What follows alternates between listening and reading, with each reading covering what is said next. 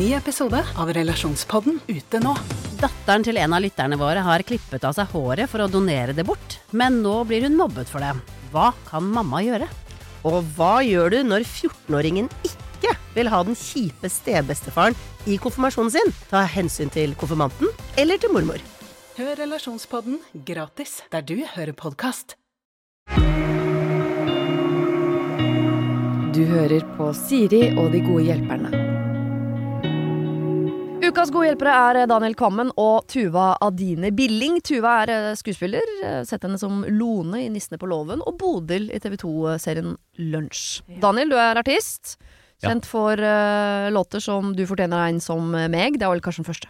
Det, Var den første? Ja. Ja, Blant første, de første, første. som Første øh, store. betydde Og det er jo en så folk. Nydelig sang. Ja. Ja, takk, takk. må jeg bare si. Og så har du nå nylig da gitt ut eh, denne 'Endelaus sommer'. Ja. Merkelig timing, burde kommet rundt påske, den spør du meg. Ja, men nå er ikke jeg management, akkurat. Det kommer faktisk endelaus påske til neste år. Ja. Det er veldig. Her, har du noe- her er vi inne på noe. Dette sporet liker jeg. Endelaus jul. Men så har vi sett deg også på TV, blant annet i Kompani Lauritzen og Maskorama. Det stemmer. Ja. Ja. Hva, hvilke dyr var det? Var det ulv? Jeg var ulv, ja. Det var ulv. Ja, øh, ja. Jeg gjetta ikke det, altså. Ulv, ulv. Det tok lang tid før jeg tok eh, deg Jeg, på ulv. jeg, jeg har ikke gjetta én riktig på Maskorama noensinne. Jeg er helt elendig dårlig. Ja, Nei. Jeg, jeg får det ikke til. Skal du være med i år? Nei, eh, Det tror jeg ikke verden har godt av å høre meg synge. Men hvis det dukker opp en ugle en gang, det er det meg. Men tok du ikke Vedum engang? Vedum? Nei. Som eh, fugleskremselet? Hvor er det blitt av Vedum? En Anonym for tida? Fader heller. Hvor er det Eh, Det er ikke sånn program. La oss gå videre. Ja.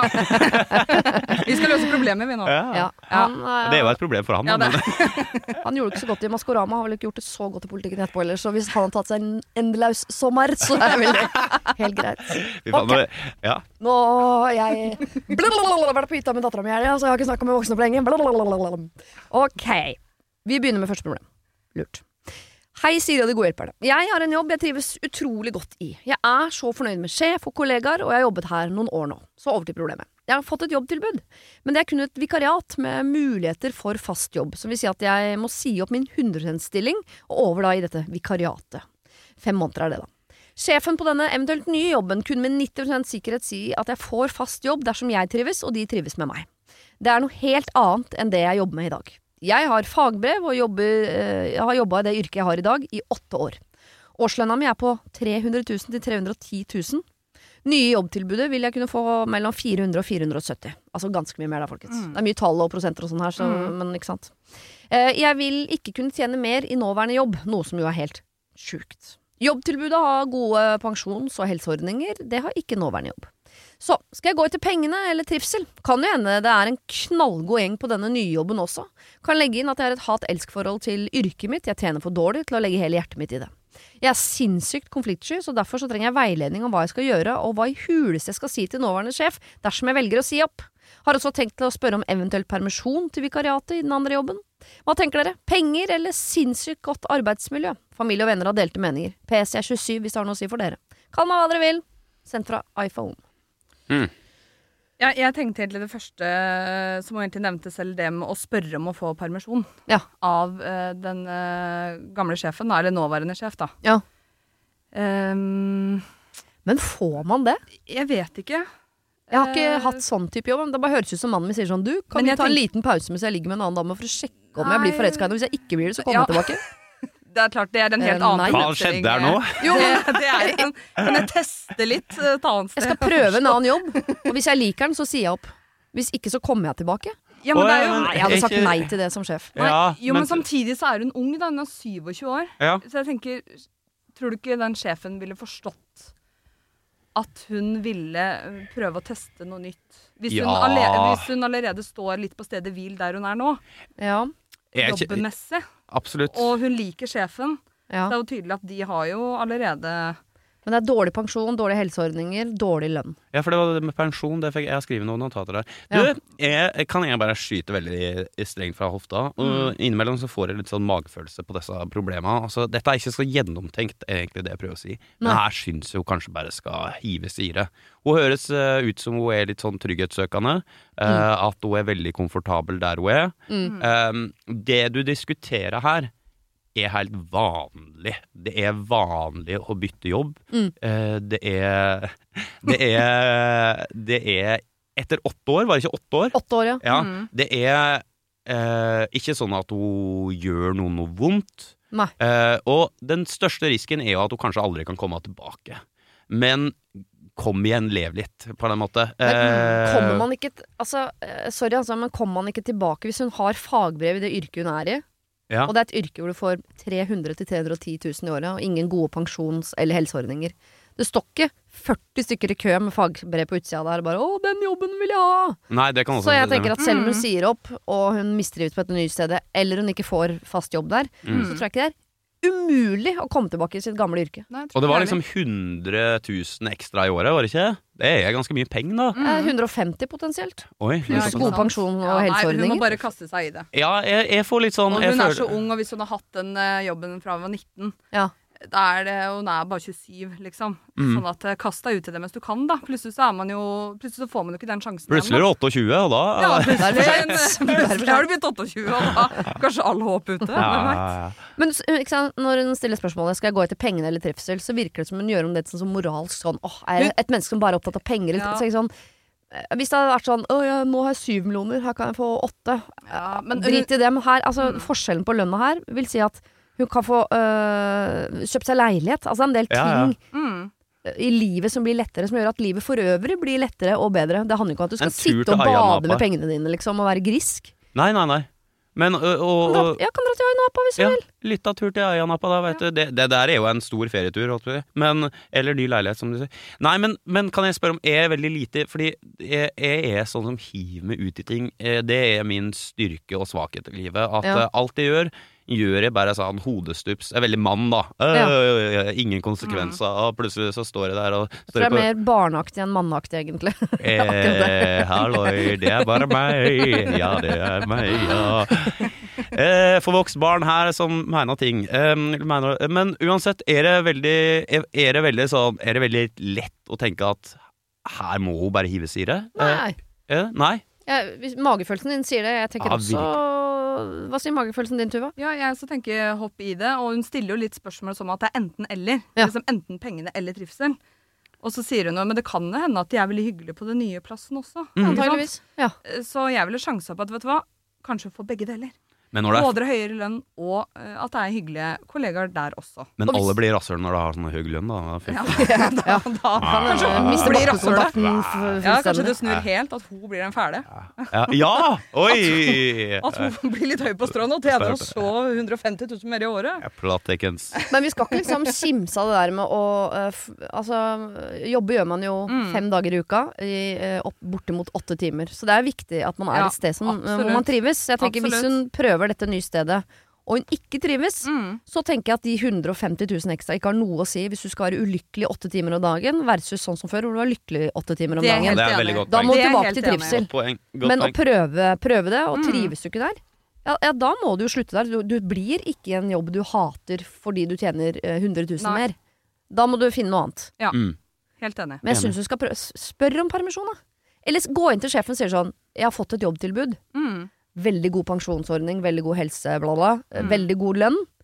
Eh, Jeg kan ikke ikke prøve det. For det kan jo hende at sjefen hennes sier sånn Vi kan ikke miste deg, så det, jeg møter deg på det. Ja. Du får den lønna her, og du får den pensjonsordningen, og du får det helsetilbudet. Mm. Og Ja. vips, så kan du bli og få, og få samme pakka der. Ja, for det er faktisk det er et godt poeng at det finnes jo et slags tredje alternativ her. øh, å gå til sjefen sin, som du sier, og på en måte øh, det, det er liksom Hvis du har bestemt seg for at Det er jo alltid det som folk gjør i sånne forhandlinger med ny jobb og lønn og alt sånt, at hvis det er Hvis du, hvis du har bestemt deg for at du kan gå, Mm.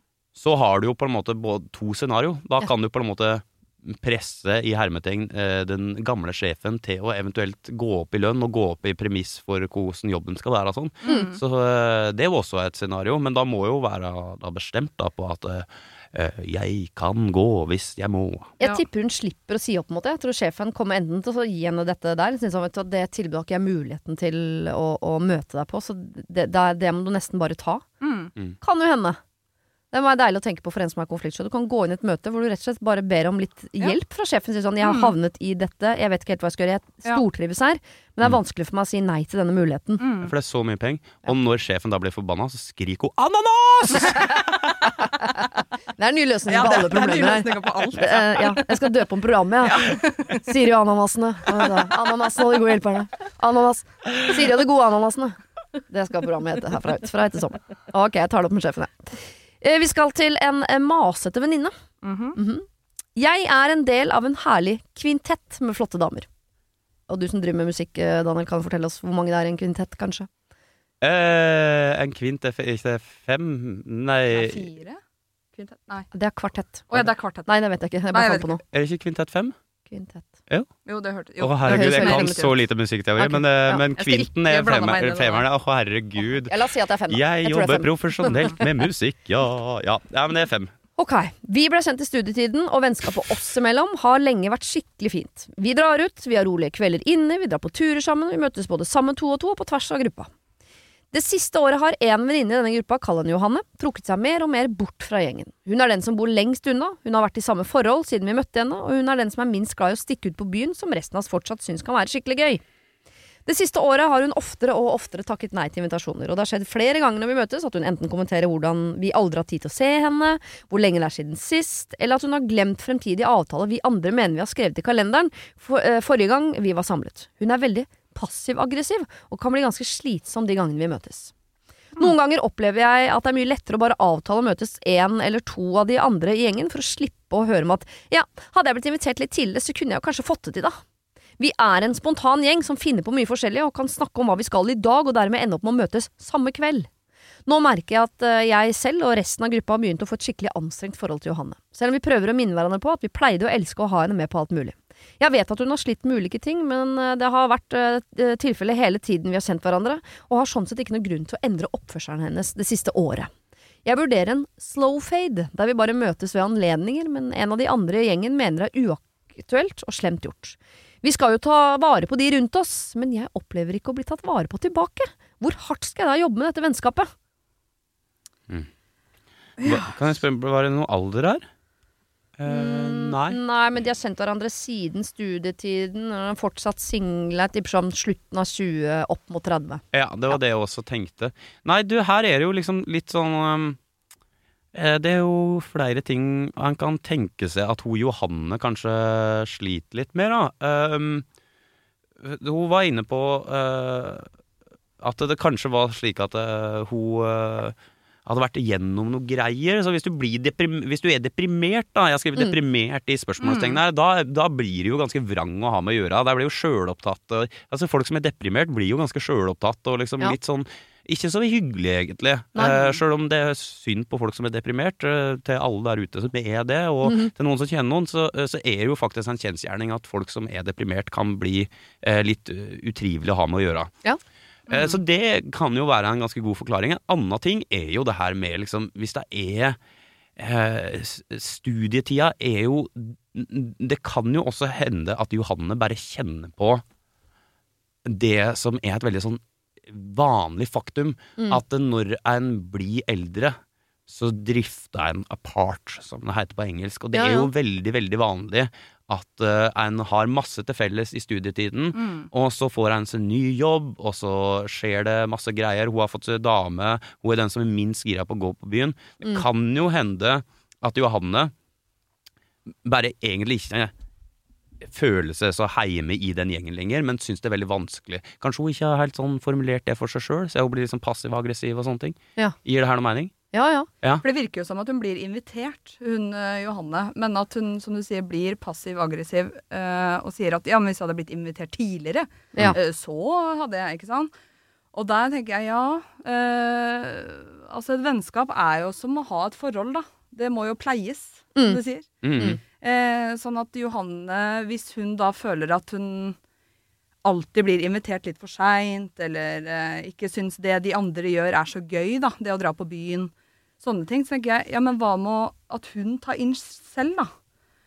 Mm. Hun Johanne. Ja, men da må Ja, man ja, be det- henne om å ta inch, da. Ja, eller man må ta den praten, da, og, med Johanne, og finne ut hva er Er det aktivitetene hun ikke liker? Er det det at vi drar på byen? Er det, er det de tingene hun ikke er så glad i lenger? Ja, for det, nå er du inne på noe veldig smart. Det går jo an å spørre jo Det går jo an å spørre sånn Du, vi merka at Du trenger ikke si sånn at du Men du, er- du Johanne, du er veldig passiv-aggressiv. Ja, nei, litt det, man trenger ikke å begynne der. men, men kanskje si sånn Du, vi merka at det ikke alltid er like enkelt å få til ting lenger og sånt. Mm. Og kanskje kjenne litt på at du kjenner på det òg. Hva, er hva, hva faen er det du sliter med, da? Men det er vel altså Ja, sp spørre på en pen kjent- måte. Ja, Ja. altså De Går har jo kjent hverandre altså De har jo studert sammen, og, og da blir man jo ofte veldig knytta eh, I hvert fall snakker av erfaring. Eh, så blir man jo ofte det. Eh, sånn at det virker jo som at de har kjent hverandre en stund. Jeg vet ikke hvor gamle de er. Men eh, det å ta den praten med henne, da. Ja. ja, fordi det er så Finne ut av liksom hva For det er jo ikke noe hyggelig for noen. Det er jo ikke hyggelig for Johanne. Eh, og det er jo ikke hyggelig for de andre hvis hun alltid på en måte Alltid er litt sånn aggressiv når de møtes. Så skjønner jeg jo at Det er ganske kjedelig. Det er det er kjedelig. litt eh, kjipt, på en jeg, måte. tror, jeg er ganske sikker på at jeg, jeg er, eller har vært, en Johanne i hvert fall én vennegjeng. Ja. Eh, fordi Sigrid Bonde Tusvik sitter sånn der. Fy faen, Shiri er så jævla Åh. Faen. For jeg, jeg mener jo, og dette har jeg snakket om så mye, at eh, vennskap er den vanskeligste relasjonen man kan ha. Fordi det er så Mm. ekstremt mange forventninger, men det er ingen regler. I et kjærlighetsforhold så er det Ja. visse regler du må følge. Ja. Eh, familie, visse regler. Mens i vennskap så er det, det, er, det er ingen regler, men ekstreme mengder med forventninger. Mm. Eh, og jeg, synes, jeg er et, en klassisk venn som fort kan bli skuffa, for eksempel. Og hvis, det, hvis Johanna er en som fort kjenner på utenforskap, for eksempel. Ja.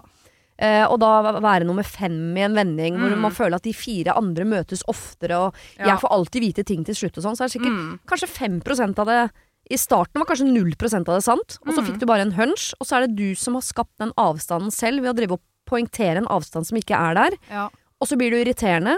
Og så tar de andre litt avstand, og da tar du avstand, for da er du, da er du på utsiden. Og så, da tar de, og så blir den avstanden større og større og større, og større fordi du eh, begynner å bli litt vanskelig å ha med å gjøre. Og de Mm. andre syns at du er litt vanskelig å ha med å gjøre. Så du har skapt en avstand som bare blir større. Dette er grunnen til at du har programmet Siri og ananasene. Ja, Fy fader, nå er du så god! ja, du. Nå er du så smart. Ja, nå er du At, veldig god. eh, Fordi det der tror jeg virkelig stemmer at uh, det det kan være en bitte liten situasjon, og så blir den kløfta større og større, ja. Det tror Ja. jeg veldig. Mm. Og derfor er vi også, eh, tilbake til det jeg sa i starten, det kan være at hun bare er litt deprimert. Det kan også hende at det faktisk er denne kløfta, at den er reell på et eller annet nivå. Mm. Derfor, og da kommer vi tilbake til det du uh, sa, Tuva. Uh, hvis vi da tar denne praten og spør på en pen måte Mm. uh, det, er noe, det er noe grums her. Mm.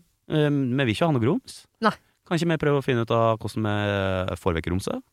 Eh, nå vet jeg, det her pleier det ikke an å Nå ser jeg på det, Siri. Du pleier å være bedre på sånn hvordan en skal formulere det enn meg, men jeg mener alltid at den praten er veldig mm. Den praten føler jeg de må ha, Ja. uansett. De kan jo ikke fortsette sånn her i evig tid. Nei, og jeg tenker, det er jo egentlig Johannes sitt ansvar på å ta seg sammen litt. Og som dere sa i stad, sånn Mm. invitere til ting på egen hånd. At Man må på en måte være med og, og liksom gjøre den kløfta mindre sjøl. Mm. Jeg har jobba altså så hardt de siste årene med å bli et menneske som eh, Når jeg treffer folk jeg ikke har sett på en stund, så må jeg innrømme at når jeg, før så tenkte jeg sånn uh, Jeg klarte ikke å tenke 'å, hyggelig å se dere'. Jeg tenkte sånn 'hvorfor har jeg ikke sett dere før'? Ja. Eh, Men nå har jeg prøv, klart å jobbe meg over til en eh, 'å, så hyggelig å se dere'. Og ikke tenke på at vi burde ha sett hverandre før. Eh, Ja. Det, det, det, men det har krevd noen år med sånn ja. hard jobbing. Mm. Og det må jo Johanne også gjøre, men man kan jo kanskje bli flinkere til å sette i gang den prosessen hvis man får en liten sånn tupp i ræva fra én Mm. venninne som sier sånn nå, nå virker du litt sår på det vennskapet her. Jeg bare si fra at ofte så møtes vi fordi vi, vi var sammen i går. Og da bare satt vi der så sa vi sånn Skal vi dra på kino i morgen? Ja. Og det er ikke, starter vi ikke en Facebook-gruppe hvor alle er invitert og Nei. Eh, Så du må, må liksom ikke jeg, jeg tror denne vendingen har godt av å roe Johanne på Mm. uh, det hun sitter og er nervøs for. Så Mm. kanskje Johanne klarer å bli litt hyggeligere og mindre passiv-aggressiv med tida.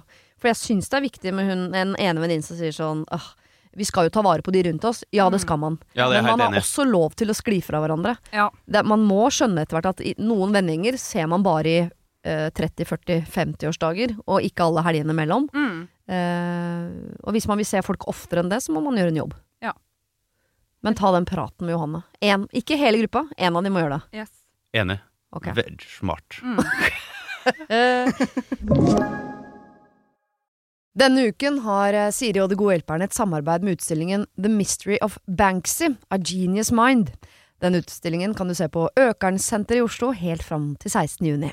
Til eh, tross for at Banksy er verdens mest kjente gatekunstner, så er han samtidig også helt anonym. Det er ingen som vet hvem han er, og en av grunnene til det er at han er etterlyst for vandalisme. Kunsten hans er ikke på utstillingen, det er altså 200 reproduksjoner utført av andre gatekunstnere du kan se på Økernsenteret. Og siden han er så anonym og utilgjengelig, så er det også umulig å få en godkjenning av utstillingen av Banksy selv, men folka rundt Banksy, som kaller seg Pest Control, de gjør kontroller og sier ifra hvis det ikke er godkjent. Og det har de ikke gjort her, og utstillingen er derfor å anse som godkjent. Og jeg tenker at eh, Banksy høres ut som en litt sånn eh, kul fyr, selv om jeg vet jo ikke hvem han er, jeg bare ser hva han skaper. Uh, og jeg merker at jeg, liksom blir, jeg blir nysgjerrig på han. Jeg husker en uh, tidligere sjef jeg hadde, uh, fortalte meg at Siri, de som hører på deg på radio, de må enten ha lyst til å bli sammen med deg, eller så må de ha lyst til å være vennen din, eller i hvert fall gå på fest sammen med deg. Da lytter de. Eh, jeg vet ikke om jeg har så veldig lyst til å bli kjæreste med Banksy, vanskelig å si, men eh, det hadde definitivt vært veldig gøy å gå på fest med han eller ha han som venn, bare for å høre litt mer om eh, hva som bor inni det kunstneriske hodet hans. Kjøp billetter til utstillingen på mystery-banksy.no. Her kan du også lese mer om utstillingen. Bruk kodeordet Siri, velg tidsbestemte billetter på hjemmesiden, og få billetter til kun 250 kroner. Koden gjelder til og med 31. mars. Har du et problem og trenger hjelp, ja, så sender du det til meg. Da bruker du Siri, alfakrøll, radionorge.no. Vi skal rett over i et annet øh, vennskap. Da kan vi jo ta med oss erfaringen fra forrige problem og se om vi kan bruke det til noe i dette programmet. Lærer, vi lærer. Ja. La meg starte med å si at jeg er privilegert. Jeg bor i en stor leilighet midt i byen. Jeg har arvet den.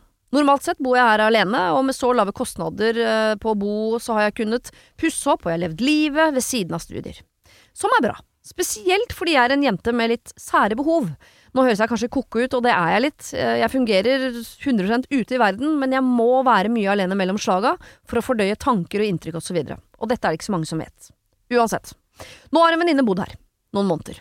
Hun eh, tok samboeren i utroskap og måtte flykte. Hun har ingen familie, og hun var knust, og det er hun fortsatt. Jeg lot henne bo her gratis imens eh, hun skulle stable livet sitt på beina igjen. Og det har vært fint, det, men nå kjenner jeg at strikken min er tynnslitt. Jeg må ha alenetid snart. Hun derimot ser ikke ut til å ha hastverk. Snarere tvert imot så ser hun ut til å bygge rede her. Jeg tror hun tenker at dette er jo perfekt, og det er det nok for henne. Jeg vil nødig fortelle henne om mitt problem, hun er ikke en jeg vil ha så nærme.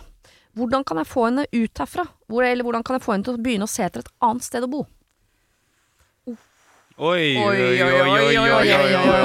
Den er den er vond. Ja, den Det er liksom eh, noen som eh, Det er jo noen folk som kommer på kaffe og blir i to dager, liksom. Ja. Eh, Overstayed your ja, welcome, ja. Som det Ikke heter. sant? Sa hun hvor lenge hun hadde bodd der? Noen måneder. Noen måneder, ja. Ja. Herregud. Ja, det er ganske lenge. Det er- det er ganske lenge. Det er lenge. Det er utafor altså, normalen, er det ikke? Absolutt. Men det er, det er ikke noe sånn bukker på sofaen eller i senga. Jeg tror det er en såpass stor leilighet at de har hvert sitt rom. Og Ja, hun hun kunne egentlig inn. hatt eh, Ja, Hun kunne hatt et kollektiv, hun der antagelig, men bare koser seg aleine. Ja, fordi, men og mest sannsynlig så leie og det, er, for det er sikkert litt sånn hun, hun, Hvis det er en så stor leilighet, så kanskje hun betaler litt for leie, og liksom at det egentlig er litt ordna forhold òg. Kan det virke sånn? Ja, jeg, jeg tror fram til nå så har hun ikke betalt noen ting, i hvert fall. Å nei? Nei. For jeg tror Nei, men ikke hun da- som da- eier leiligheten, Ja. hun betaler ikke noe hun heller. Hun bor der, hun har arva den, så hun betaler sikkert kommunale avgifter. og Jeg vet ikke hva det er, jeg. Kom med, kom med en sånn eh, veldig svær hvit løgn. Jeg, jeg, jeg Nei, nei, nei. Si det, Daniel. Hva si det? Henter du fra eget liv nå? Altså- Jeg innså at det, jeg innså at det jeg skulle si, ikke ga mening i det hele tatt, og så bare stoppa jeg midt inni. Uh, ja, og hvilket ord sier vi da? Uh, ananas! Nei, så det er jo interessant med de uh... Det har aldri skjedd her før. Wow, det var litt flaut. Ja, ja. Nei, jeg hva- tenker ikke han. Nei, altså det er jo interessant med de antennene til hun venninnen, da. Mm. Eh, det at hun føler at hun kan ta seg så til rette så lenge. Mm. Eh, Men det, de er sikkert Jeg tipper at hun jenta her, den privilegerte jenta og så er det jo en hun Ja, men- ikke vil ha så nær. Ja, men det Var jo det også sa? Jo. Ja, men Det der gir ikke helt mening. Fordi, eller jo, det gir mening. Det, det er en antenne, men som jeg, eh, som jeg nevnte i et annet problem her eh, deprimert. Hun har blitt cheata på, liksom. Hun er deppa, ikke sant. Hun er sjølopptatt. Så hun skjønner ikke dette nå. Nei. Og det tror jeg vi må legge til grunn Ja, her. At da. hun forstår ikke det her. Hun er liksom inne i sin egen Ja. lille verden og tenker at Og da skal man vel trå litt forsiktig, for her er det Jo da, knust av samboeren, flytta inn til en Ja, ny samboer, Ja. og så blir du kasta ut derfra, på en måte. Ja. Ja. Eh, Så man må trå litt forsiktig. Men jeg, bare, jeg har litt lyst til å analysere hun som har denne leiligheten. Fordi Mm. jeg ser for meg at hun er et menneske som For hun sier at utad fungerer jeg 100 Så hun er en eneste som er sånn 'kom igjen, bo hos meg, ikke noe problem', og er veldig sånn blant folk. Virker som en som har masse energi og er verdens kuleste menneske. mm. Hjemme i sin egen store, tomme leilighet så er hun masse alene hvor hun sitter bare og tenker.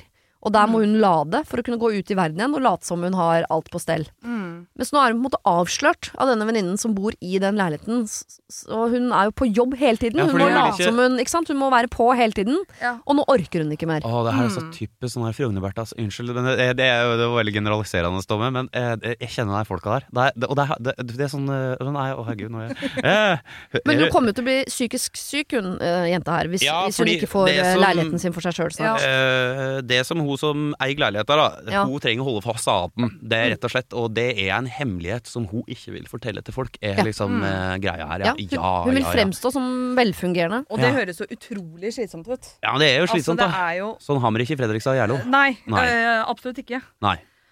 Uh, men Men kan Oi, vi ikke det finne på en eller annen Det må finnes en jeg Jeg mener tenkte- at det, det riktige å gjøre er å stå fram og, og forklare dette. Det er jo det Mm. absolutt beste. For nå, det, du har en venninne på besøk som har blitt løyet til, så det skal hun få slippe å oppleve igjen. Men hvis ikke hun vil slippe ut den siden av seg selv, da, da, da må hun jo ljuge, da. Finne på en eller annen uh, grunn som ikke fins til at denne jenta ikke kan bo der lenger. Det var det jeg også satt og tenkte på. opp, Fordi, fordi det er jo Det aller beste hadde jo vært Det var det, var det, det som var så vanskelig med det her. Fordi hun sier sånn Nei, jeg vil ikke dele. Det, det normale ville jo vært å bare sagt sånn Du, jeg trenger litt alenetid. Ja. Uh, eh, det er jo ikke så farlig, det, liksom. Jeg kan du- hjelpe deg til og med til å se på ny leilighet. Ja, leilighet. komme altså, med, komme være litt på tilbudssiden. Da. Du, kan vi ikke sette oss ned på Finn og bare se litt Uh, eh, Begynne Altså, ja. Ja. Også, men, men da når han har sagt sånn Ok, det går ikke, jeg kan ikke si sånn Du, eh, jeg trenger litt alenetid. Mm. Så er det jo da eh, to råd til denne damen her. Mhm. eh, det er nummer én Finn på noe, ljug om et eller annet. Ja. Nummer to, gå til psykolog sjøl. Nei. Jeg tipper hun gjør det. Ja, men jeg, det tipper jeg hun gjør Ja, nei, jeg tulla, jeg litt, da. Men ehm, ja, nei, altså finne på noe sånn teknisk. Det Vi skal bygge balkong. Jo, jo, men altså, et eller annet som du ikke kan bli tatt på, da. ja. For Hvis du kommer på besøk to år senere sånn, hva skjedde med den balkongen da? Nei, den, Nei, øh, den, eh, det tar sin tid. Ja. Eh, ja, hvor kan en finne på av ljug og fanteri som på en måte er kvitt nok til at eh, til at eh, det på en måte ikke Normalt er slemt. nå har vi funnet mugg på det soverommet. Skjeggkre. Mugg. Det er skjeggkre der. Ja, Eh, så det er ubeboelig. Mm, det rommet kan ikke bos i. ja. Eh, det er Det er jo godt. fare for Ja. at hun da ender opp i s- Stua. samme soverom eh, som eh, venninnen. Ja. Men altså, må man gå dit, liksom? Må man For at det, det kan hun jo ikke sje- Har det vært skjeggkre? Det vet jo ikke hun i ettertid. Nei, det vet ikke hun. Det kan jo ikke hun sjekke. Nei, Ja, ja, de var her og sjekka det, og nå har de Nå er det borte. sp- ordna det. sjekk det. Ja, er sjekker det. er sjekker det. Ja. Eh, ja, nei, den er god. Den er god. Skjeggkre er ikke dumt. Ja, for det er egentlig det, det, det er så fælt at vi sitter og diskuterer hva er den beste løgnen noen kan finne på. Det er jo kjempe Jo, men det er en løgn som skåner hun som bor der. Fordi Ja. alternativet er å Mm. si 'jeg orker ikke at du bor her lenger'. På en måte. Jeg trenger ikke Ja. å si det så hardt uansett. Men, men det- det tredje alternativet, da, som hun ikke foreslår selv, som jeg tenker at kunne vært fint, Mm. selv om ikke du vil ha henne så nære, og sett på en løsning. For jeg tipper hvis hun står fram med denne siden av seg selv, det er et behovet for egentid osv., så, videre, så tipper at de to kunne funnet en løsning som gjør at hun har en hun eh, kan snakke med dette om, som bor hos seg. Kanskje hun til og med kan bli boende. Ja. At hun flytter inn på en eller annen måte, betaler husleie en periode. Mm. Eh, hun har en hun kan snakke med om dette hemmelige problemet som hun ikke tar med seg ut. De Mm. to kommer enda nærmere. Eh, og hun har forståelse også for sånn i dag må du nesten være inne på rommet ditt, for jeg må være alene hvis du er altså, Hvis det kan Mm. Jeg bare tror noen ganger når man tror sånn jeg må, Dette problemet jeg har, det må jeg fikse helt alene når ingen ser på meg. Hvis hun hadde klart å liksom eh, jobbe med det problemet sammen med denne venninna, så kanskje det hadde blitt bedre for begge to. Men det var Mm. det hun tenkte, men hun sa jo veldig eksplisitt i denne teksten at det var ikke er noe hun ville bruke denne venninnen til. Nei, men det syns Eh, vi du skal. Syns du det? Ja. Ja. Eh, Nei, jeg syns vi skal respektere eh, Sjelden er Men jeg synes vi skal respektere at Men noen burde ta det opp med noen venninner òg. Kan ikke gå liksom og holde på en sånn Egentlig så er jo liksom det er et like stort problem at hun har denne muren og borgen rundt seg sjøl, om at alt Ja. må være perfekt hele tida. Liksom sånn Her er fasaden min, jeg, alt går bra. Det er et større problem, men hvis det ikke er denne venninna, så syns jeg at det er et relevant poeng, da. Det er jo ikke sikkert at det, uh, at det er denne venninnen hun skal dele med, men at hun skal dele med noen. Mm. Enig. Ok, Så eh, hvis du nekter, men bare se for meg at det kan være lurt å bruke denne venninna, og ikke den nærmeste venninnen, fordi den nærmeste venninnen Nei, jeg, jeg vet ikke. Tenk litt på det, i hvert fall. Om dette er et menneske Kanskje det er henne du skal bruke til dette, og så finner dere en løsning. Går den veien sammen. Hun er, er jo fortsatt deprimert over eksen. Eh, Du sier at dere har det hyggelig sammen. Du har ting du burde prate om. Kanskje dere kan finne en løsning sammen, eller så er det skjeggkre. Ny løgn. Jeg har begynt å date eksen din. Nei. Nei! Ja, få henne til å hate deg, så flipper ut. Ja, den er effektiv. Den er meget effektiv. Ok, er, Vi går for en todelt eh, Ja. løsning her. Skjeggkre Mm. eller full åpenhet. Yes. Mhm, du kan velge. Denne uken har eh, Siri og De gode hjelperne et samarbeid med utstillingen The Mystery of Banksy, A Genius Mind. Den utstillingen kan du se på Økernsenteret i Oslo helt fram til 16. juni. Til eh, tross for at Banksy er verdens mest kjente gatekunstner, så er han samtidig også helt anonym. Det er ingen som vet hvem han er, og en av grunnene til det er at han er etterlyst for vandalisme. Kunsten hans er ikke på utstillingen, det er altså 200 reproduksjoner utført av andre gatekunstnere du kan se på Økernsenteret. Og siden han er så anonym og utilgjengelig, så er det også umulig å få en godkjenning av utstillingen av Banksy selv, men folka rundt Banksy, som kaller seg Pest Control, de gjør kontroller og sier ifra hvis det ikke er godkjent. Og det har de ikke gjort her, og utstillingen er derfor å anse som godkjent. Og jeg tenker at eh, Banksy høres ut som en litt sånn eh, kul fyr, selv om jeg vet jo ikke hvem han er. Jeg bare ser hva han skaper. Eh, og jeg merker at jeg, liksom blir, jeg blir nysgjerrig på han. Jeg husker en uh, tidligere sjef jeg hadde, uh, fortalte meg at Siri, de som hører på deg på radio, de må enten ha lyst til å bli sammen med deg, eller så må de ha lyst til å være vennen din, eller i hvert fall gå på fest sammen med deg. Da lytter de. Jeg vet ikke om jeg har så veldig lyst til å bli kjæreste med Banksy, vanskelig å si, men det hadde definitivt vært veldig gøy å gå på fest med han eller ha han som venn, bare for å høre litt mer om hva som bor inni det kunstneriske hodet hans. Kjøp billetter til utstillingen på mystery-banksy.no. Her kan du også lese mer om utstillingen. Bruk kodeordet Siri, velg tidsbestemte billetter på hjemmesiden, og få billetter til kun 250 kroner. Koden gjelder til og med 31. mars. Har du et problem og trenger hjelp, ja, så sender du det til meg. Da bruker du Siri, alfakrøll, radionorge.no. Ok, vi skal til uh, falsk aldring. Oi! Står det her. Hei, jeg er en dame i min nest beste alder, 46. 40 var bedre. Jeg har lenge stått imot alle forsøk på å reversere aldringen, men på min 46-årsdag så satt jeg en sprøyte med Botox rett i sinnarynka. Ingen har sett noe, ingen har sagt noe i hvert fall. Jeg er kjempefornøyd. Eh, spørsmålet er, skal jeg ljuge dersom noen spør? Og hør meg ut nå.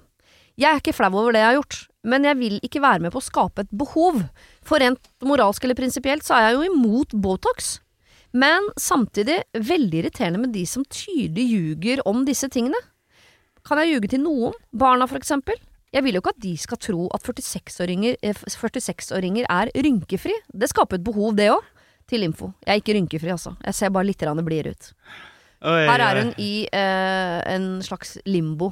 Jeg trodde du skulle si hun var i Morten Hegseth-land igjen, men! Eh, er det noen gjennomgang her i dag? Ja. Ok, Hun har tatt Botox, det kan vi ikke på en måte si sånn Nei, ikke gjør det. Det har hun tatt. Mm. Skal hun stå for det, og dermed på en måte gi Botoxen mer oppmerksomhet? Eller skal skal si, hun ljuge? jeg må si jeg har en kompis, øh, men nå øh, Han kjenner det ikke, han heter Odda. Øh, og han øh, var veldig ærlig, men det var jo for så vidt i forhold til en sånn shoot, da. Men han var veldig ærlig med meg en gang. Sånn, der skulle vi spille inn Tina og Bettina, så var jeg med i den filmen. Ja. Og så bare kjem øh, Odda bort til meg og så sier sånn Ja, faen, jeg bare satt eh, jævla mye Botox i trynet. Jeg bare, sånn befri, befriende samtale å ha. Så bare sånn Å ja, du har det, ja.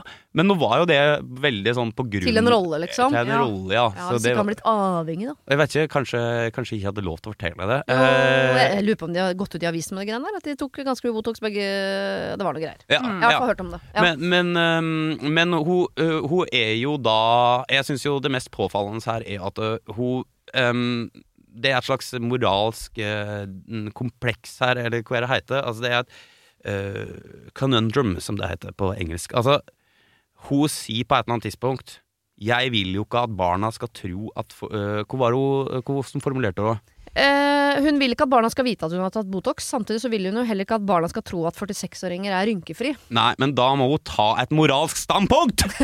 ja, men hva, Fader heller! hva, hva mener du er det riktige moralske standpunktet? Nei, enten må hun si til ungene sine Du, mamma er eh, litt flau over denne, eller så må slutte å ta den Botoxen. Altså. Det Ja. mener jeg helt oppriktig. Fordi hvis alle skal la seg sjøl liksom leve i sånne eh, Sånne eh, vage felt liksom, der en kan meine én ting og gjøre det andre, så Ja. blir jo verden helt umoralsk og jævlig å ha med å gjøre! Slutt! Nei, men jeg mener det, for det er sånn Sannheten eksisterer ikke. I hennes verden så eksisterer det ikke en sannhet som hun forholder seg til. Skjerpe seg. Men det er jo ikke helt unormalt at man har egne regler for seg og andre regler for verden. Jeg skjønner at det er, eh, sånn skal det ikke være, men det er jo ikke helt unormalt. Er det ikke det, nei? Jeg synes det er lettere eh, å, å forklare meg selv hvorfor jeg gjør ting, selv om ikke jeg mener at dette er noe verden skal gjøre. Ja Ja Og det Nei, med, ja, jeg, nei. Vi kan jo be, vi kan si sånn ikke ta mer Botox, det kan vi for så vidt si. Ja. Men hvis folk nå spør henne nå La oss si at hun skal på uh, La oss si hun skal på Findingsfestivalen. Det er veldig rart å gjøre i en alder av 46, kanskje, men la oss si det, da. Uh, og så kommer det en venninne bort og sier sånn Har du satt Botox i panna, eller? Du er jo så rynkefri! Ja, Skal hun si ja eller nei, da? da skal hun si ja. Jeg ville sagt Ja. ja. Ja. Ja. ja. Fordi Fordi at f- fordi at hun har gjort det, hun må stå for det. Men må på en måte ha verdier her. Altså dette forholder seg til større ting òg. Altså, invaderer med Ukraina, så må man på en måte stå for det. Altså, Ja. Er utrolig dårlig eksempel, men eh, poenget er at eh, vi gjør ting i denne verden, eh, og er det gode eller dårlige hvis hun syns det er en dårlig ting? Mm. Hun syns jo åpenbart det er en dårlig ting, og Ja. da må hun da må Ja, da må hun enten la være, eller så må hun stå for at hun gjør en dårlig ting. Altså, skjønner du? At det, det er liksom Jeg kan ikke Hun er jo med på å opprettholde denne formen for uh, oppførsel. Ja. Jeg sier ikke at det er dårlig å ta Botox. Det må folk få lov til å gjøre akkurat som de vil med, for mitt vedkommende. Men hvis hun syns det er så uh, ræva da, å ta denne Botoxen, så uh, syns jeg oppriktig at uh, da, da burde hun liksom på en eller annen måte droppe det. Ja. Eller så må hun se seg sjøl i ansiktet og liksom stå for det. Ja. Bare akseptere da, at man enten har disse rynkene, Mm. og da slutte med Botox. Mm. Bare akseptere at sånn er det. Sånn er livet. Ja. Uh, og vi er ikke rynkefrie Altså, det er jo ikke jeg engang som er 30. Jeg har jo fortsatt rynker begynt å få, jeg òg. Ja. Liksom. Men det, sånn er det, da. Sånn er det. Sånn er sånn er det. Jeg syns det er vanskelig, for jeg, jeg må innrømme at jeg har tenkt på det samme noen ganger. Sånn i forhold til øh, øh, Hvis jeg plutselig skulle sette Botox en dag, Mm. så kanskje jeg bare skulle holde kjeft om det. For det er klart sånn, eh, Fra et venninneperspektiv, hvis man er en venninnegjeng hvor det snakkes mye om Botox, så kan man Mm. på den måten eh, normalisere Botoxen så mye at folk som vanligvis kanskje ikke ville ha gjort det, gjør det. For det, det er så vanlig i vår gjeng. Mm. Men hvis folk bare kunne holdt kjeft om Botoxen, så kanskje, ikke det, så kanskje vi hadde redda to-tre i gjengen fra å ta, fordi de får ikke helt med seg at det er det vi driver med Men for tiden. samtidig så vil det jo synes på et tidspunkt, da. Vil det ikke det? Ja, jeg, bare, for jeg lurer på om aldri- Altså, den, Jeg Ja, bare fra sånn- ja, ja. til å plutselig Nå ser hun jo blidere ut, sier ja, hun jo. ja, hun sier det. Eh, sånn at Jeg liker at det, det, når du for, forklarte det liksom sånn Ja, vi kunne redda noen i vennegjengen fra det. Det høres ut som det som skjer i Sofie Elise sin gjeng. For å si sånn. Vi snakker ikke om det her, da. snakker om det. Jeg- Jo, men det, det er ikke det eh, Det er et bedre eksempel enn Ukraina. For det er jo noe med sånn Hvis man i en gjeng eh, hele ja, tiden ser at dette er noe alle gjør, Ja. så var det ikke sikkert at alle gjorde det. Kanskje det var to-tre som ikke gjorde det. Men hvis det Mm. virker veldig veldig normalt, så på, vips, så gjør alle det. Så sånn sett tenker jeg at det kan være greit. Du må gjerne, om du, hva du driver med eh, på bakrommet, bare ikke snakk om det, Fordi da skaper du en normalisering som gjør at alle andre også begynner. Men så har jeg ikke tenkt på det som hun skriver, at Hvis hun da har to små barn som ser på mammaen sin som er 46, og så blir hun 50, og så blir hun 55, og hun har ikke rynker, da oppdrar du jo to barn som tenker at sånn Når de da ser eh, mennesker med rynker, så tenker de sånn Hva er gærent med trynet ditt, da? Ja. Ja. Altså, Ja, ja, absolutt. jeg ser jo Mm. hva slags damer liksom mine barn nå eh, ser på TikTok hver dag og tenker at sånn skal damene se ut. Mm. Så tenker jeg sånn Å, fy faen, stakkars eh, de på skolen deres. For de kommer ting? ikke til å se sånn ut. Ja, nei, men kan jeg spørre om ting? Ser barna dine på 50 år gamle damer på TikTok? Nei, men de ser jo meg! ja. Og jeg, det er eh, litt Er du viktig 50? Nei, jeg er ikke 50. Nei, det Nei. Jeg blir, eh, jeg blir 45 på torsdag. Ja, det er som Oi. Ei, ei, ei, eh, stort. Gratulerer på Da skal jeg feire meg selv med en sprøyte i panna. Nei, nei, det skal ikke. Jeg absolutt ikke det. Eh, Nei, altså eh, Gratulerer på forhånd. Takk. Og så eh, må jeg si det at jeg har jo virkelig Jeg, jeg, jeg skjønner ikke hvor dette engasjementet mitt kommer fra i denne saken. Det var voldsomt fra Kvammen her. Eh, Poenget er jo at jeg, jeg bryr meg ikke så mye om Botoxen som fenomen. Jeg bryr meg mer om det her at hun er på en måte tosidig i sin tilnærming. Eh, Så for min del så handler det mer om at vi må ta moralske standpunkt i denne eh, vage, vage verden vi lever i. Altså. Så jeg, Ja. jeg, jeg gir det noe mening for dere? Mm. Ja, men Ja. da egentlig det vi ser sånn Enten så må du ikke ta og stå for det, eller så må du ta og stå Mm. for det. Ja, det er så enkelt, tenker Ja. jeg. Men ok, ja, For det pressa jo på en eller annen måte til å ta stilling til dine egne usikkerheter. Da. Så da kommer vi til å lande på et eller annet. Men da må jeg kan inngå et slags kompromiss her. Mm. Eh, enten ikke ta og stå for det, eller ta og stå for det. Men hvis du tar, ikke prat så mye om det. Ja. Altså På direkte spørsmål har du satt Botox. Ja, men du trenger ikke å ha en sånn 'Skål, jenter, skal vi snakke litt om Botox', Nei, eller? nei. altså bare eh, ikke, eh, ikke ikke gjør det om til nei. sånt kjempetema. Trenger ikke oppfordre til å prate om det. Nei Ok, da lander vi der. Ja. Greit. Vi skal ta et uh, siste eh, kort spørsmål. Det handler om barn. Det er det vel ingen av dere som har. Nei. Nei. Ok. Eh, tre er en for mye, står der. Hei, vi har nettopp flytta til et nytt sted som er veldig barnevennlig. Har en femåring som nå virkelig har gleden av å få nye venner, og piler ut og inn av de ulike leilighetene. Men ofte når de er tre jenter sammen, så blir en av dem holdt utenfor.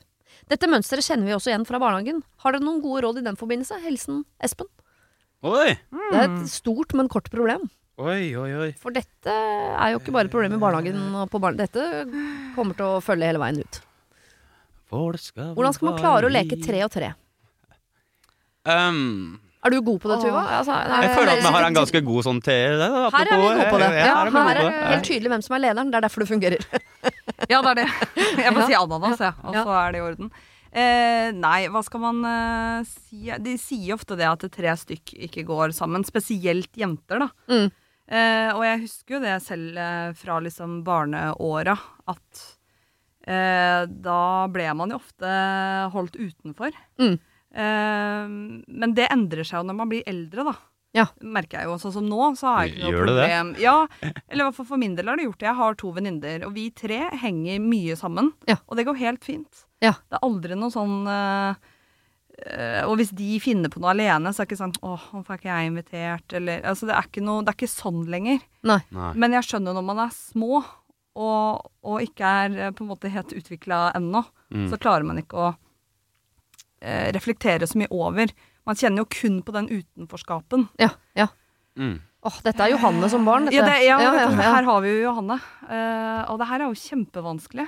Kan jeg, kan jeg, mens du tenker, kan jeg spørre om noe info her? Fordi Mm. Ja. jeg, jeg er barnløs, mm. ikke um, jeg skal, Hva er dette fenomenet med at tre jenter Gjelder gutta òg, kanskje, men hva er dette fenomenet med at tre ofte blir klabb og babb? Kan noen forklare det for meg? Jeg tror uh, at det ikke nødvendigvis handler om antallet tre, men at det handler om at hvis én i en treergruppe er en som fort kjenner på utenforskap, så dukker det veldig Når man er to, så kan du ikke kjenne på utenforskap, fordi enhver prat er til meg. Det, Ja, det er vi to som prater. Du kan ikke føle deg utenfor når vi er to. Mm. Men med en gang jeg nå bare ser på Daniel og bare snakker med Daniel Hvis du hadde vært veldig liksom, usikkert lite menneske der borte, Tuva, så ville du kjent på sånn Å, nå var det mye dere to, ikke meg. Mm. Og hvis den følelsen planter seg i nummer tre, Ja. Så er det ikke noe sånn at jeg og Daniel nå holder deg utenfor ved at vi eh, snakker sammen, men da dukker følelsen opp, og da Ja. følger han deg. Og da, det er derfor jeg tenker Noen ganger så er det nok helt sånn reelt at noen holder noen utafor. Eh, men jeg tror ofte også at det bare er Hvis man er et menneske som fort kjenner på utenforskap, så Mm. vil man i en treergruppe fort kjenne på det. Ja, for da finnes jo heller er ikke noe nummer fire som man kan på en måte henvende seg til når, eh, når han føler seg Ja, ikke sant, det finnes ikke det fjerde. Men hvor gamle De var fem år? Ja. Ja, De er små, vet du. Mm. Og når man er fem år, så er det jo helt random hvem man leker med. Man leker Ja, med de som bor i nærheten. Og det er Ja. klart, når, de, når dere er tre nå som fungerer godt sammen, Tuva, så er det Mm. fordi dere er tre likeverdige hvor alle liker Ja. alle, og dere er trygge på at alle liker alle. Ja. Mm. Men når det er tre random barn og Altså, Kanskje ikke, år. det, det, kanskje ikke de har kjemi med den ene? Er bitte små. Ja. Men hvor kan man Og jeg tror hvis de voksne griper inn for mye her og sier sånn Mm. Nå må dere også leke med Johanne da, dere! Så tror jeg man kan, fort kan fortelle de to sånn Åh, nå er Johanne litt slitsom, for pappaen Ja, ja, hennes ja. står der borte og maser på at vi skal leke med henne. Vi gjør jo det, men akkurat nå delte vi to denne spaden. Mm. Jeg vet ikke om det kan sammenlignes, da, men altså, jeg hadde jo en periode hvor jeg også følte meg veldig utenfor blant jentene i klassen. Ja. Eh, og eh, det vi løste dette problemet Da var jeg litt eldre, da. Ja. Altså, det var slutten av barneskolen mot ungdomsskolen. Mm. Det vi løste det med, var at øh, OK, vi inviterer alle jentene hjem til meg Ja! En gang i måneden og hadde Nå er du god! karaoke. Nå er En gang i god! måneden, og du har snille foreldre! Og hadde karaoke og pizza. Nei, er det sant? Og da ble det plutselig en annen stemning. Ja. Eh, så jeg vet ikke om, jeg vet ikke om de er Jeg for små, det- men kanskje, kanskje foreldrene kunne OK, nå inviterer vi Får kalle henne Johanna, da. Ja, ja. Eller Johanne. At, eh, at vi inviterer disse to eh, femåringene Ja, og i de sammenhengene og gjør noe hyggelig. Ja. Eller jeg vet ikke. Jo, jeg tror det Jeg syns det nå syns var, For dette syns jeg var et veldig sånn vanskelig Vanskelig utfordring. Fordi det Mm. er det som Siri er inne på, at du, du kan på en måte ikke tvinge unga heller. Men det er klart at tilrettelegging for aktiviteter Mm. som inkluderer alle tre, og spesielt da hvis du tar, tar dette eksempelet ditt Altså, jeg kan Mm. også påpeke det at jeg eh, følte meg utenfor når jeg var yngre. Jeg løste det med å bli artist, jobbe i kulturbransjen. Eh, Alle ser på meg nå! Dritpopulær og bare Du fortjener regn som eh, det er meg, da. Du har ikke billett! Eh, hvor var det Marit Larsen sa en gang til meg? Eh, musikkbransjen er 'Revenge of the Nerds' eller noe sånt. nå. Så det, ja, ja, ja. Men uansett, eh, nei. Også, men jeg tror det er med at eh, du, hvis du bringer det litt eh, på Kanskje liksom legge til rette som foreldre Mm. til at det skjer litt på uh, ens egen turf. Heimebane, liksom. Mm. Uh, og så kanskje da, når han er på heimebane, så gjør han det ganske hyggelig. Så han å, fy fader, her var det boller og brus, ikke Ja, sant? mm. ja. Og så i tillegg sånn, legge opp til sånn spill der det må på en måte være tre, eller noe sånt. Og det kan jo være hyggelig. Sånn, jeg vet ikke hvor det er, eh, Utenom å se på 50 år gamle damer på TikTok, så vet jeg ikke hva unga gjør nå om dagen. Det er men- mye det, altså. Det er mye det, faktisk. Vi kan lage en TikTok-video Ja. sammen, da. Ja, med foreldra. for Ja, med foreldrene. Ja. Nei, men mm, kanskje det. Jeg Ja. syns det var et veldig godt øh, forslag, Tuva. Jeg tror også det. Altså, jeg, jeg, nå vet jeg at jeg tenker litt annerledes enn mange andre foreldre tror jeg, på akkurat dette, men jeg bruker en del tid øh, med mine barn, og min datter for eksempel, spesielt hvis hun føler seg utenfor. Eh, så prøver jeg å forklare sånn, har du lyst til å være hun jenta som sitter på gjerdet med en spade og er, ser litt eh, molefonken ut, og håper at de som går forbi skal si sånn 'bli med og lek'? Eller har du lyst til å hoppe fra det gjerdet med den spaden og gå bort til folk og si sånn 'bli med og lek'? Mm. Altså, enten eh, så må du ta initiativ for å sitte og sutre seg til vennskap på sidelinja der. Mm. Det driver vi ikke med i denne familien. Nei, det er jo vel Nei, Og det er jo ja. nå, nå ja, Herregud. men det, er- det, jeg sier ikke at det er det som er saken her med disse tre, men jeg bare også mener at det er van hvis far her, da, Espen, eh, opplever at datteren hans blir holdt utenfor. Det er forferdelig vanskelig og vondt, og det Mm. skal man gjøre noe med. Men man skal også ha litt timing på eh, Gjør jeg et problem større enn det er nå? Ja. Eh, ved å fokusere på det. Litt som Botox. Sånn. Hvis vi snakker mye om utenforskap og tre og to, og det, så Ja, kanskje det vi gjør det problemet større enn det egentlig er. Og så tror jeg også du gjør barna en bjørnetjeneste ved at du for hver gang din datter føler seg utenfor, så skal du fikse de to andre barna så at de blir flinkere til å leke tre. Jeg ville brukt den energien på å trygge mitt barn på hvis de to Hvis du ikke er eh, glad når du leker med de to, Mm. Så lek med noen andre. Ja, det tror Ja, jeg. eller du kan det, ikke gå gjennom hele livet hvor Sinnssvakt. pappa Ja. skal liksom ordne sånn. Nå er det to andre som ikke vil leke med meg. Ja. Ja, da skal pappa ordne. Ja. Ja, nå er det to andre. Ja, Syns det var et godt eh, innspill. veldig At en, godt en må jo trygge dette barnet som Mm. føler seg utenfor. Ja, ja, Ja, snakke med følelser med barnet sånn. Hvorfor føler du deg utenfor? Kanskje det Mm. var bare én spade, da? Ja. Eller eh, Men du leker jo veldig godt sammen. Tuvaen og Tuva her, det er veldig gøy. Kanskje du skal gå bort til Tuva? Mm. Ja. For det er noen jenter som er veldig sånn to og to. Ja. Å være nummer tre der, det er grusomt. Mm. Men det er ikke noe vits å få de to til å bli treergruppe. De får det ikke til. Sigrid Bonde Tusvik og Else Kåss. Ikke sant? Jeg, jeg må, I voksen alder så må jeg si at jeg elsker å være nummer tre. Ja, du gjør det? Jeg syns jo uh, å være to, fire, seks, åtte, det er veldig, veldig vanskelig. Mm. Oi. Tre, fem, sju. Det er det aller er beste. Det er derfor det bare har to ananaser i Jeg elsker oddetall. At vi blir tre. Ja, men da kan jo to stykker sitte og prate, og så kan du ta en liten pause. Hvis man er to eller fire, så må man være på Ja, hele tida. Det er dritslitsomt. Ja. Er det sant, ja? Å, fy fader, Det må har jeg ikke alltid tenkt på. være oddetall. Men jeg, eh, det, det Jeg syns det, det, det ga mening for meg, og det er jo kanskje litt sånn eh, sjukdom i vår tid òg, hvis han kan være så At han er veldig sånn Alle barn skal jo på en måte behandles um, eh, s- Altså, vi, skal jo, vi er jo veldig glad i å på en måte ta vare på alle behov våre unger har. Og Mm. selvsagt så er jo det kjempebra, men det er jo noe det der du sier at eh, hvis et barn føler seg utafor, så trenger han jo ikke sjukeliggjøre det, på en måte. Og liksom på en måte Og alle rundt deg er problemet. Mm. Gå til ungen din og si 'skjerp deg!' Nei, men bare sånn eh, Skjerp deg!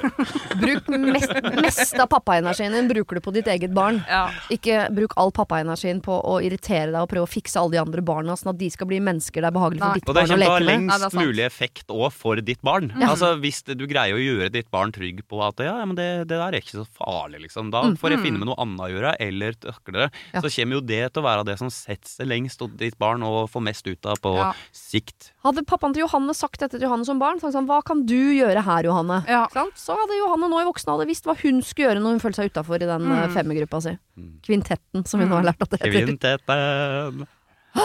Ja. Men også inviterer jeg på kara karaoke Ja, og altså, de, ja, i hvert fall når man kanskje er litt eldre, da. Hvis, ja.